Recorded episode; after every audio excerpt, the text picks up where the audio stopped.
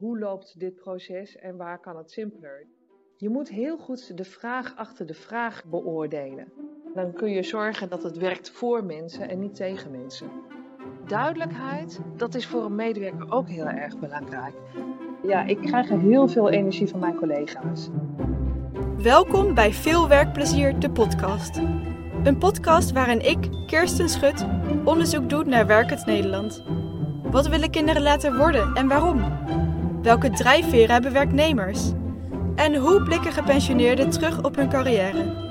In deze aflevering ontvang ik Ingrid ten Napel.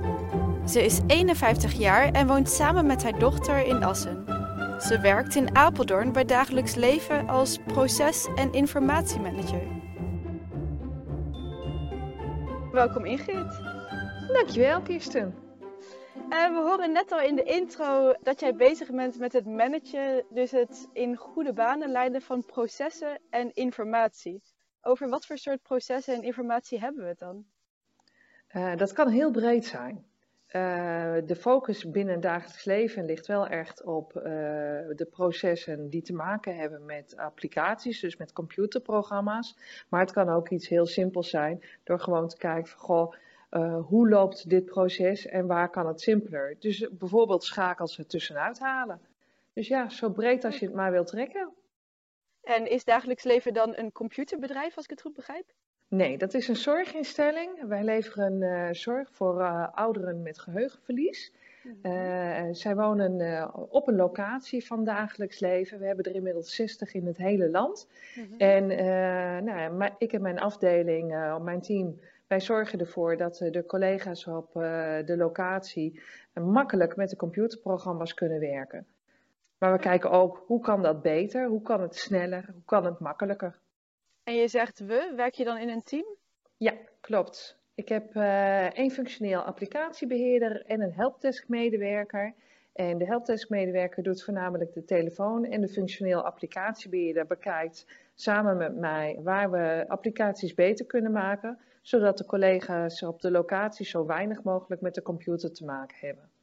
Duidelijk. Is het dan nodig om veel van hardware en software te weten? Want je hebt het dus over applicaties, over het optimaliseren daarvan. Heb je veel kennis van hardware en software nodig? Uh, nee, eigenlijk niet. Ik heb ook geen ICT-achtergrond, maar ik heb wel een heel analytisch vermogen. Dus ik kijk gewoon hoe werkt een applicatie. Ik zie de logica van een applicatie. En dan probeer ik hem eigenlijk zo in te richten dat het voor het proces optimaal is. Dat analytische vermogen, dat is anders, denk ik, als je dat digitaal doet, dan dat je dat op papier doet. En misschien is het een voordeel van mij, maar is het dan bijzonder dat jij als vrouw deze functie bekleedt? Uh, je ziet wel steeds meer vrouwen in deze functie. Ik heb ook wel wat mensen in mijn netwerk zitten die deze functie doen. Maar als je echt naar de ICT-wereld kijkt, want ik heb hiervoor ook bij een ICT-bedrijf gewerkt. Nou, er zijn maar heel weinig vrouwen die daarin werken. En ik denk dat het uh, juist meer zouden moeten zijn. En de reden daarvoor is dat uh, wij als vrouwen uh, vaak beter kunnen communiceren dan de nerds van deze wereld, om het zo te zeggen. En waarom is die communicatie dan zo belangrijk? Je moet heel goed de vraag achter de vraag kunnen uh, beoordelen. En wat je vaak ziet is dat ICT'ers gelijk met een oplossing bezig gaan, terwijl vrouwen vaak de vraag achter de vraag. Waarom wil je het dan? En de eerste keer waarom is eigenlijk niet genoeg om erachter te komen wat iemand daadwerkelijk wil. Want en misschien iemand... ben ik dan nu heel kritisch hoor, maar weten de medewerkers die die vragen hebben altijd waarom ze de vragen stellen? Nee, en dat is juist de kunst van degene die de vraag stelt. Uh, hè, dus uh, een medewerker stelt een vraag aan mij. En ik vraag altijd: wat wil je er dan mee bereiken? En wat is je doel? En wat is je probleem? En als je één keer die vraag stelt, dan uh, stoppen de meeste mensen. Maar eigenlijk is het de bedoeling om minimaal drie keer die vraag te stellen. En soms op een andere wijze. Hè. De ene keer zeg je waarom, de tweede keer zeg je en welk probleem los je daarmee op? En op die wijze kom je eigenlijk tot de kern. En heb je dan een voorbeeld van zo'n vraag? Uh, vind ik best wel moeilijk. Uh, iemand zegt: uh, Wil je mijn collega rechten geven in de applicatie? En dan zeg ik: uh, Goh, met welke reden? Ja, ik wil dat zij ook een profielvragenlijst kan invullen. Oké, en wat is de reden dat je die profielvragenlijst wil invullen? Uh, ze loopt stage en zij moet dat ook kunnen. Oké, dus het gaat om een stagiaire. En waarom moet ze dat kunnen? Ja, dat moet ze kunnen voor de opleiding. Oké, moet ze dat dan ook daadwerkelijk uit kunnen printen? Ja, oké. Nou, dan hebben wij binnen de organisatie een functie in de autorisatiematrix waarin wordt gezegd, een stagiaire mag dit niet, dus die krijgt die rechten niet. Wat we dan wel kunnen doen, is naar de testomgeving gaan, zodat ze met een testcliënt wel die rechten heeft en haar stage op die wijze wel uh, uh, de opdracht kan doen. Dus eigenlijk is het ook compleet logisch dat die medewerker zelf nog niet een vraag kan stellen vanuit een oplossing gedacht. Want die medewerker weet misschien helemaal niet dat er een testomgeving Klopt. is. Klopt. Ja. Nou, dan ben ik ook helemaal voor dat er meer vrouwen in deze wereld, uh, wereld terechtkomen. um, hoe bepaal jij dat er bepaalde optimalisaties plaats moeten vinden? Dat jij met zo'n procesverbetering bezig gaat? Als ik zie dat collega's gefrustreerd raken door een bepaald proces, of als er een hulpvraag komt, daaruit kun je vaak al analyseren dat er meer achter zit. Mhm. En uh, vooral als er een repeterende vraag is, dus er zijn steeds collega's die eigenlijk hè, van verschillende locaties dezelfde vraag stellen, dan weet je al dat er iets niet goed gaat. Want waarom, één, waarom moeten ze de vraag stellen? Dus ze kunnen het antwoord niet vinden in de informatie die we allemaal al aanbieden. En twee, er loopt dus iets niet goed in het proces, want het is nodig voor hun om een vraag te stellen. Nou, en op die wijze kom je eigenlijk steeds verder van, goh, hoe kunnen we dit nou beter doen? Nou, een mooi voorbeeld van onze eigen afdeling is eigenlijk de hardware. Wij leveren ook laptops uit. Dat lieten wij doen door een externe partij. Maar dat betekende, er komt een vraag bij ons binnen. Ik, eh, mijn laptop doet het niet meer. Wij gingen naar de externe partij. Die moest het in gaan richten. Maar wij moesten steeds aan die externe partij vragen: wanneer heb je het ingepland? Dan hadden ze het niet gedaan, moesten we nog een keer een nummer vragen. Nou, door dat proces te analyseren zijn we tot de conclusie gekomen dat het beter is om het zelf te doen, omdat ons dat heel veel tijd gaat schelen. En dus om nooit meer met een externe IT-partner in zee te gaan? Nou, niet zozeer uh, helemaal niet met een externe IT-partner, maar op dit vlak is het efficiënter om dat niet te doen, omdat zij hun proces nog niet goed hebben ingericht. Heb je een IT-partner waarbij je één telefoontje doet en die levert je vervolgens alles goed aan, ja, dan kun je prima dat extern neerleggen. Die hardware, als het om de hardware gaat, dat is iets van je eigen afdeling, zeg maar. Maar zodra dus een medewerker vraagt om die rechten, dat voorbeeld wat je gaf, dat is een vraag vanuit een medewerker. En het lijkt me toch best wel lastig om, ja, dat jij dan met een oplossing moet gaan komen, omdat jij niet aan de kant van de medewerker staat. Hoe kijk je dan toch door de ogen van een medewerker om het probleem zo op te lossen dat het efficiënt is voor de medewerker om te gaan gebruiken? Eén, door de vraag te stellen, maar twee, meekijken via nou, onder andere Skype. Mhm. dus je kunt, uh, goh, laat me dan eens zien wat je bedoelt en juist door vanuit de, hun ogen in die applicatie te zitten, mhm. dat helpt heel erg. En drie, ja, ik vind het echt wel noodzakelijk, en dat kan helaas al een jaar niet meer, om regelmatig naar een locatie toe te gaan en gewoon mee te draaien en met eigen ogen te zien wat er gebeurt. Want ze moeten juist heel weinig met een computer moeten werken, want ze moeten juist de zorg kunnen leveren aan onze bewoners.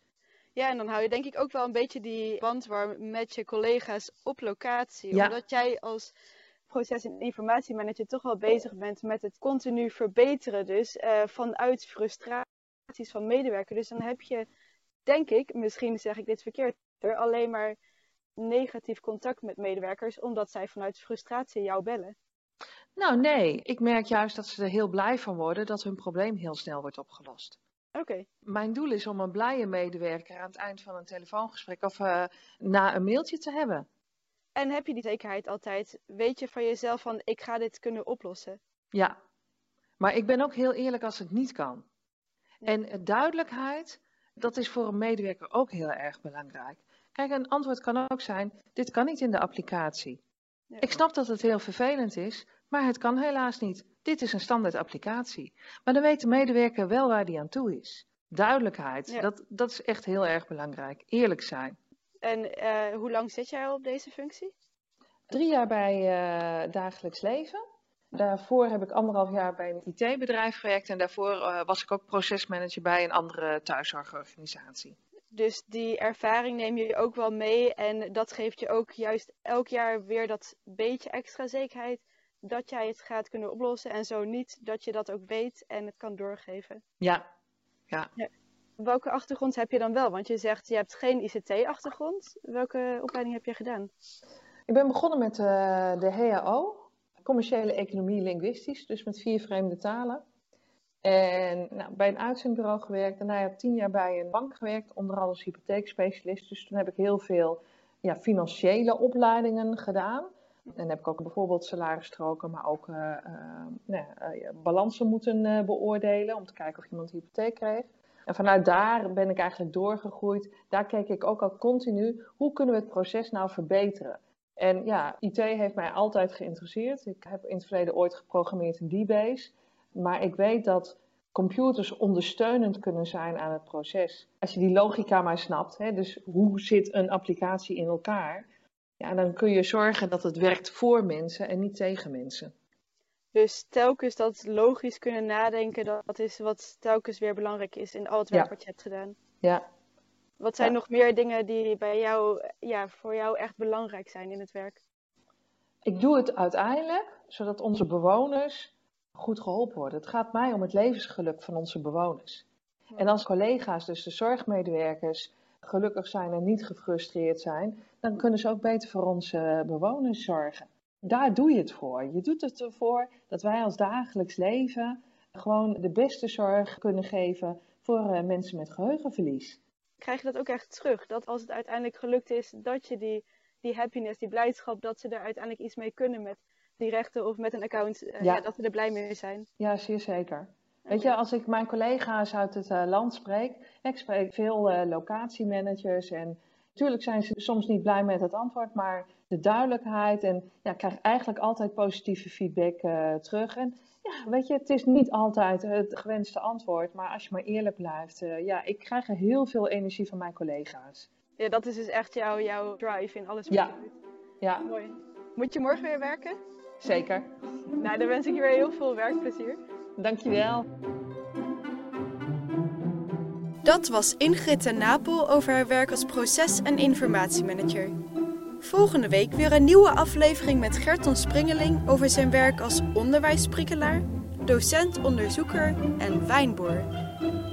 Vergeet ondertussen niet te abonneren op deze podcast en volg mijn Instagram-account podcast.veelwerkplezier. En denk je nou, ik wil mijn werkplezier ook delen via deze podcast? Stuur dan een e-mail naar podcast.veelwerkplezier.gmail.com. Leuk dat je luisterde en voor deze week veel werkplezier!